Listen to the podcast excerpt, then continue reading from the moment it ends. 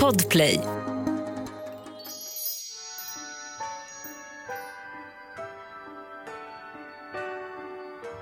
Precis som förra julen och de senaste 20 åren är det här en av Sveriges mest omtyckta julskiva. Samtidigt är det en skiva som kommer att betyda mycket för artisten både professionellt och privat. Peter Jöback, idag en internationellt hyllad musikalstjärna, en framgångsrik sångare och artist som ledigt rör sig mellan olika genrer. Men det har inte alltid varit så. En barndom som slogs i spillror, en trevande start som artist och den stora hemligheten som alltid stod i vägen för hans möjligheter att blomma ut i sitt artisteri och bli en hel människa. Men skämtar du med mig? En julskiva? Det är för fan det sista man gör i karriären. Han jagades ju ganska mycket av gay-communityn. Det värsta året i mitt liv när jag var liksom olyckligt kär. Jag hade inte kommit ut än som gay och eh, den skivan gick då inte speciellt bra. Och kanske värst av allt, det var året jag plattångade mitt hår. Tillsammans med Peter och de som var med och gjorde skivan ska vi lyssna på hela albumet Jag kommer hem igen till jul, låt för låt och prata om tiden innan och när skivan gjordes.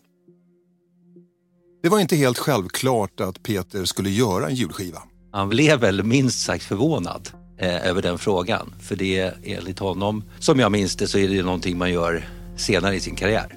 Och Peter fattar ju ingenting. Han sa ju det.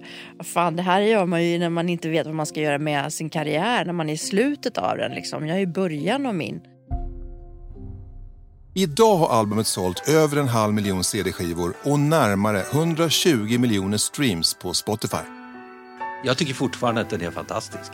Människor lyssnar ju på den även på sommaren. Så att jag tror att när man gör saker på riktigt i alla led så blir människor berörda. Jag tycker det är fantastiskt att den lever vidare på det här sättet och det är en klassiker liksom, om man får säga det själv. Det här är poddserien En artist, ett album med Peter Jöback.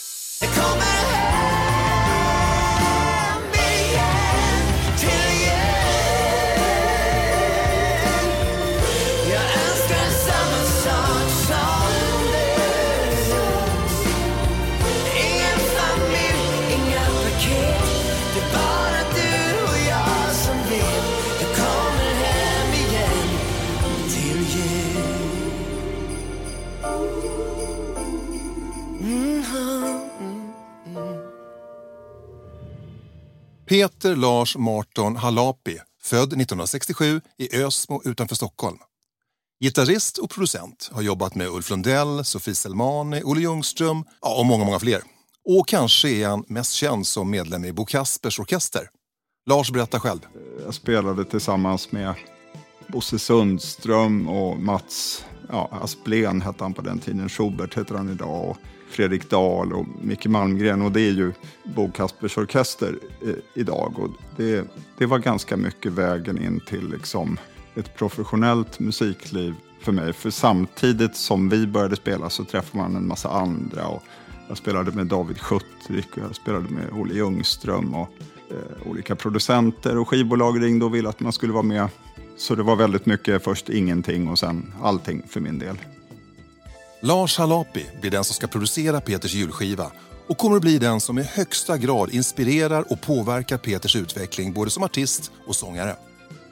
Det är Leif Käck på Peters skivbolag som föreslår att Lars ska producera Peters julskiva. Och Leif berättar. Ja, vi jobbade med, med, med Lars för han producerade, dels hade han varit medlem i Bo Kaspers Orkester. Sen hade han hoppat av det och sen var han väldigt starkt förknippad med Sofie Selmani som var en av våra key artists såklart med enorma framgångar både i Sverige och i Japan. Så Lars var ju eh, tajt förknippad med henne och, med, vi jobbade mycket med, med, med Lars. Jag bjöd honom på lunch och den kommer jag mycket väl ihåg. På restaurang Hongkong på eh, Kungsholmen, en sån tjusig kinesrestaurang. Jag vet inte om det finns fortfarande men dit gick man när det skulle vara väldigt viktiga möten. Och eh, då ställde jag frågan om han skulle kunna tänka sig att producera en julskiva med Peter Jöback. Och då var det en till som blev väldigt förvånad. Eh. Ett poddtips från Podplay. I fallen jag aldrig glömmer djupdyker Hasse Aro i arbetet bakom några av Sveriges mest uppseendeväckande brottsutredningar. Går vi in med hemlig telefonavlyssning och, och då upplever vi att vi får en total förändring av hans beteende. Vad är det som händer nu? Vem är det som läcker? Och så säger han att jag är kriminell, jag har varit kriminell i hela mitt liv men att mörda ett barn, där går min gräns. Nya säsongen av Fallen jag aldrig glömmer på Podplay. Han blev faktiskt riktigt ställd. Även Peters manager, Marie Dimberg, är tveksam. I alla fall till en början. Och det var då Leffe kom upp med Lars Halapi som var ett jätteudda förslag. Jag tror att både Peter och Lars var bara så här, oj. Så. Men ja, it was a match made in heaven. Peter minns att det från början inte kändes helt självklart att de skulle kunna jobba tillsammans men han ville tillmötesgå skivbolagets förslag och i alla fall ge det en chans att träffa Lars. Jag liksom åker dit. Eh, han hade en studio som låg liksom vid Slussen i en studiolokal. Går upp, det var ganska skitigt. Vi gick igenom någon annan så här replokal och bara, så kom vi in där. Han hade alla sina gitarrer där och allting. Ja, hur känns det? Så han liksom, jo det känns sådär liksom. Men vad ska vi göra då? Så, ja, men vi kan väl, vet. Och det här är hur jag minns det. Det ska bli kul att höra hur Lars minns det. Om jag inte missminner mig så jag hade en liten, inte studio, ja, som en jätteliten studio på Katarinavägen alldeles vid Slussen. Eh, så Peter kom dit och så bestämde vi oss för att prova lite olika låtar. Och jag minns att vi provade att spela Ave Maria, Eh, som ju är en av låtarna på skivan.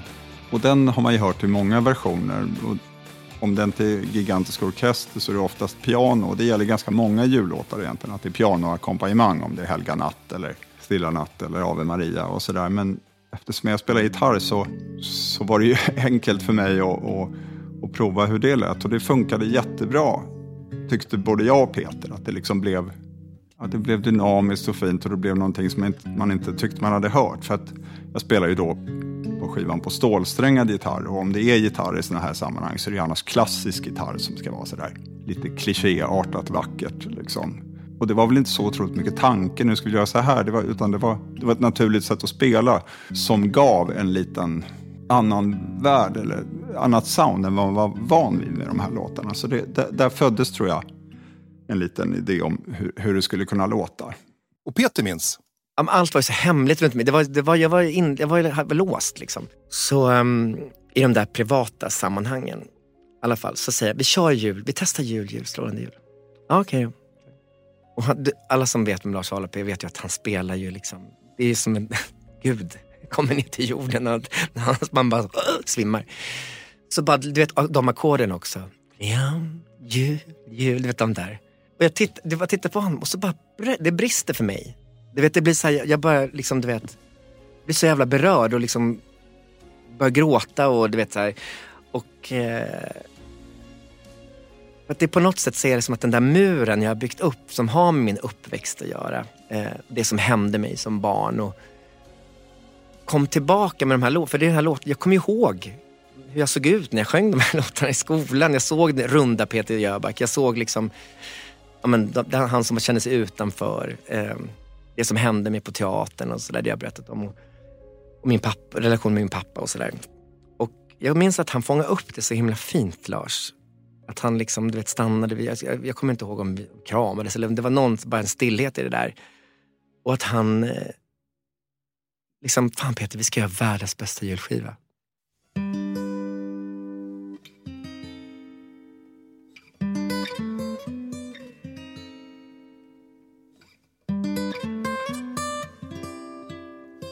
Mötet med oss med jul, det blev ett, ett, ett um, give and take på den här. Um, ehm, och sen tror jag att han utnyttjade min sårbarhet som han såg fanns där. Ehm, men det var väl för att jag hade brutit ihop så här framför honom. Så han, han, det där ska vi använda. Liksom. Men, eh, och sen kom vi på att vi ska göra en skiva som är eh, en julskiva som är de här traditionella låtarna, vårt arv, som inte kommer undan. Och Helga natt, jul, jul, strålande jul. De där sångerna men att vi skulle ta ner dem på jorden. Vi skulle liksom göra, utgå inte från så här piano och orgel utan från gitarren, göra den till visan. Jag pratar om min mamma som spelar gitarr för mig. Att göra den där grejen. Eh, och, och sen bygga på med stråkar och kör. Liksom. Inte börja pampigt utan liksom, det får bli pampigt i känslan. Det blir ett lyckat möte mellan Peter och Lars. Sardon Finer körar på den sena versionen av julskivan och hon minns hur Lars jobbade som producent. Första gången som jag fick träffa eh, Lasse Halapi och jobba med en producent som jobbade så otroligt organiskt som han gjorde. Allting skulle vara mer eller mindre ja, live, det vill säga när jag gjorde körer så stod jag tillsammans med Peter oftast på samma mick eller så stod vi tillsammans med Jocke Bergström som också var med och körade när vi spelade in på Atlantis. Och jag minns väl att jag sjöng lite för starkt så jag fick ofta stå längst bak. Ehm, men vi stod liksom som man, som man gjorde förr i tiden när man spelade in eh, tillsammans. Så jag själv anammade det sättet att spela in i flera år sen ehm, på mitt eget material. Det är vår och man bestämmer att albumet ska spelas in nu under sommaren. Det är värmerekord sommaren 2002. Inte sedan SMHI börjat mäta har Sverige haft en så hög medeltemperatur under sommaren. Lars hade gjort många skivor eh, i en studio som låg i Trosa skärgård. Eh, som, eh, jag kommer inte ihåg hans namn men jag vet att han var son till Frida i alla fall. Abba-Frida. Och han hade en studio som är ett jättestort studiorum. Och, ehm, men det som var roligt med det här, att vi gjorde en julskiva, det var att vi spelade in det på sommaren. Så vi gjorde liksom vi spelade så här jul, jul, strålande jul och sen gick vi ut och badade och sen gick vi in och så sjöng vi Stilla natt. Och det var väldigt här kontraster. Och så minns jag också att det var, det var den här tiden när, när Hipp Hipp den, vet, den tv-serien Hipp Hipp var som störst. Så vi hade, det var, jag, kom, jag minns att vi hade så himla roligt. Vi, vi satt och kollade på kvällarna sen, kollade på Hipp Hipp och skrattat de där skämten. Liksom, och, eh, och sen så spelade vi in. Och, och, och, vi valde liksom att göra skivan live med, med ett band då. Ett, och då, då då tog han det bandet han, som han hade jobbat med, med, med Sofie. Eh, så det var Peter Koronen på trummor, Thomas Axelsson på bas, eh, Robert Kvarfort på piano och han själv då på, på gitarr. Så vi, vi spelade in det på det sättet. Lars minns också sommarveckorna i Trosa. Vi spelade in, jag är inte säker på precis alla låtar, men vi spelade in på en studio som inte finns kvar som, ligger, eller som låg i skärgården utanför Trosa som hette Romarö studio. Fantastiskt eh, ställe var en kille som heter, som heter Hasse Fredriksson som hade den. Det var ett sånt där, inte spara på någonting eh, i hur det var byggt vid vattnet och olika typer av rum med olika eh, akustik och fantastiska mikrofoner. Och, Eh, den fördelen också att det låg liksom utanför stan så ingen skulle hem. För det där kan vara lite jobbigt med den där frågan. att eh, Inte för att jag har bråttom, men ungefär när ska vi sluta idag? Det kan liksom störa. Och där fanns inget sånt för att alla, vi var där ute i 10-12 dagar tror jag. Och alla bodde i sin egen lilla stuga och man åt tillsammans och sådär. Så det blir, väldigt, det blir en naturlig kreativ bubbla. Nu ska vi lyssna tillsammans med Peter och Lars, låt för låt. Albumet inleds med ett kort intro.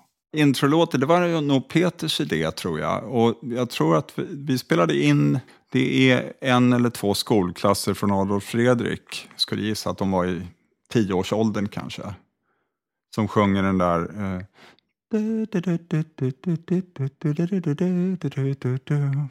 jag kommer ju från Adolf Fredriks musikskola och eh, jag minns ju, det här, för mig, det var lite som jag sa när, jag, när vi spelade jul, jul, strålande jul, att, att min barndom sköljdes över mig. Så på något sätt så vill jag sätta det här, det här min, alltså barndomsjularna, det minnet. Någonting att det här har funnits i alla tider.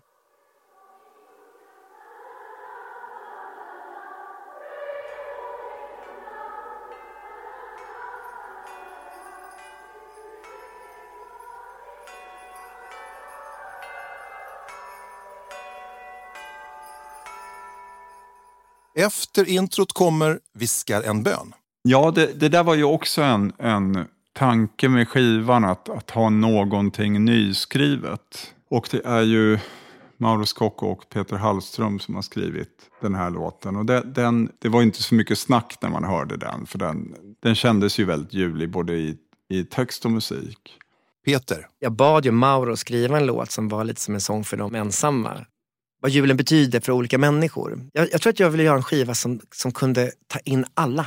Att inte skapa en så här, att julen ska, som, en, här, att vi måste leva upp till en sån, så här ska julen vara, så här, lycklig och glad. Utan en, en jul som var också så här, liksom, eftertänksamhet och, och ehm, ja, vemod. Då, för att det har mycket minnen, men också hopp om en bättre framtid. Allting gnistrar, allt är tyst Över vita gator som snön har kysst Barnen leker på bakgården. Allt andas förväntan i vinternatten. Och stjärnorna glittrar på himmelens rund och hela livet ryms i just denna stund. Och jag viskar en bön i natt. För dem som inget har. För dem som gick in i natten utan att hitta tillbaks. Jag viskar en bön i natt. För alla de som väntar. För de som har tappat alla där ute som längtar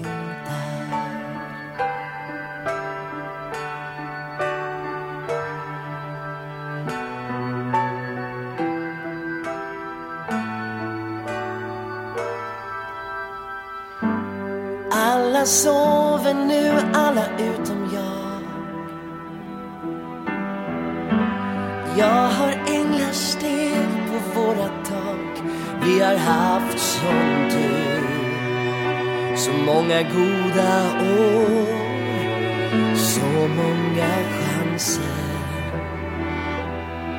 Som en människa kan få. Och mitt hjärta fylls av stillhet och frid. Något händes i natt som räcker ett liv. Och jag viskar som inget har.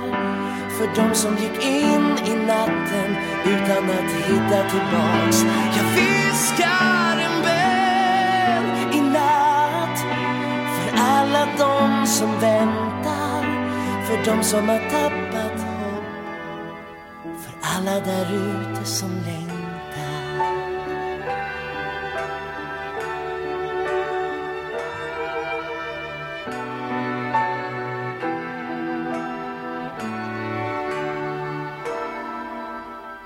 Viskar jag en bön Vi fortsätter lyssna på albumet och är framme vid Ave Maria. Producenten Lars Halapi minns. Ja, det var, var nog nästan första låten vi provade att spela. Bara sådär, jaha, man kan spela så här och vilken tonart ska vi spela den i? Eh, det tyckte vi lät så bra så då tänkte vi att ja, men här har vi ett arrangemang, då, då adderar vi stråkar. Och den får en ny text som betyder mycket för Peter. Men jag, Ett poddtips från Podplay. I fallen jag aldrig glömmer djupdyker Hasse Aro i arbetet bakom några av Sveriges mest uppseendeväckande brottsutredningar.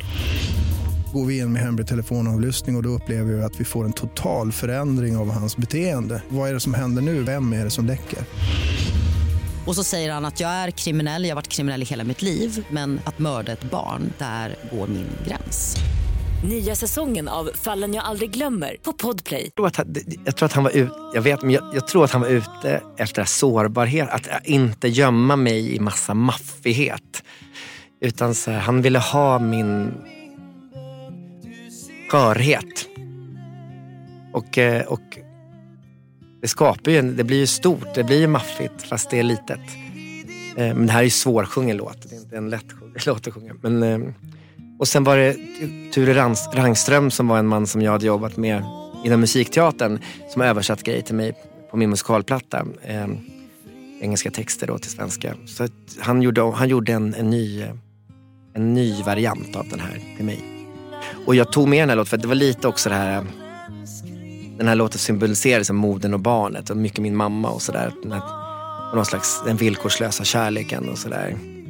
Så det var lite det jag var ute efter med den här låten, jag vill ha med den här låten. Så den, den är mycket kopplad till min mamma. Ondskan vill ha krig och strid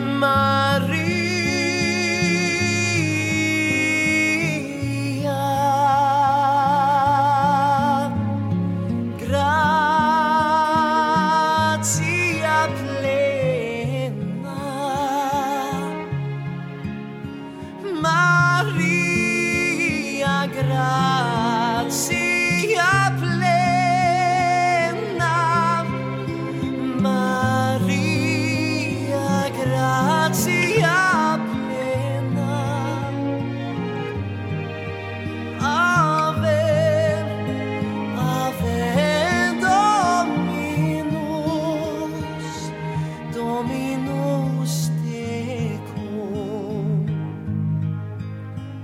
för tid